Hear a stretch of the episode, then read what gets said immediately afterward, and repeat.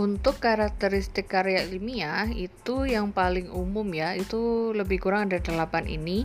Yang pertama adalah cendekia. Cendekia itu ketika gagasan yang dituliskan oleh penulis itu akan ditangkap sama, tidak menimbulkan salah tafsir dan sebagainya di benak pembaca itu cendekia. Kemudian yang kedua, teori itu dijadikan sebagai landasan berpikir. Maka pada pada pada bagian sebelumnya saat saya membahas hati-hati bukan karya ilmiah loh jika ini jika itu itu tuh ya.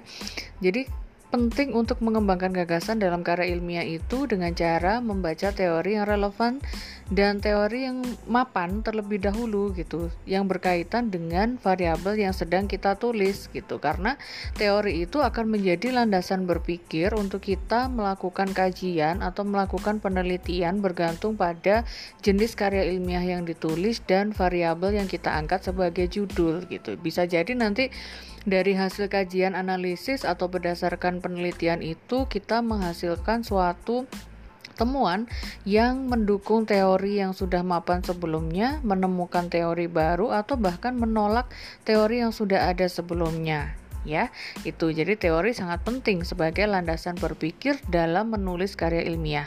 Yang kemudian yang ketiga adalah tidak ambigu tidak menimbulkan salah tafsir. Ini ada kaitannya sama prinsip cendekia tadi. Jadi memang gagasan yang dituliskan dalam karya ilmiah itu haruslah lugas ya apa adanya sesuai dengan data-data sesuai dengan fakta-fakta yang hendak kita uraikan dan tidak menimbulkan ambigu itu tadi, makna ganda.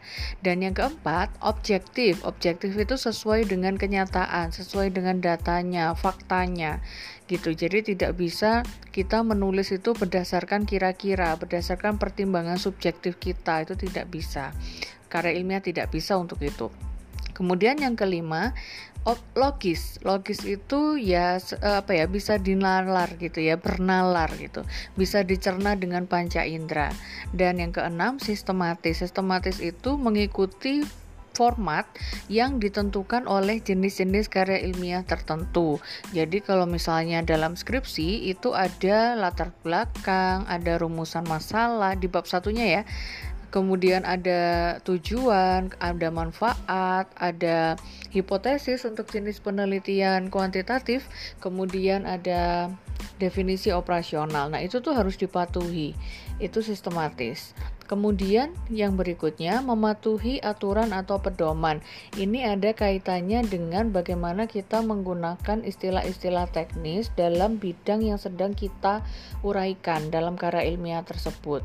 Kemudian yang kedelapan, gunakanlah bahasa yang baku karena karya ilmiah ini merupakan jenis e, karya yang kita memang menulisnya itu tidak boleh menggunakan bahasa yang bersifat non formal. Jadi semuanya harus baku. Kebakuan itu ditinjau dari segi pemilihan diksi, kemudian penggunaan kalimatnya juga harus menggunakan kalimat yang efektif, yang uh, logis, yang objektif, yang uh, apa namanya tidak memihak gitu ya, tidak absolut, tidak memaksa dan seterusnya. Intinya prinsip-prinsip kalimat uh, efektif itu sangat digunakan dalam penulisan karya ilmiah, termasuk juga aturan paragraf. Jadi kohesi dan koherensi antar paragraf itu juga menjadi dasar yang uh, mewarnai karakteristik sebuah karya ilmiah.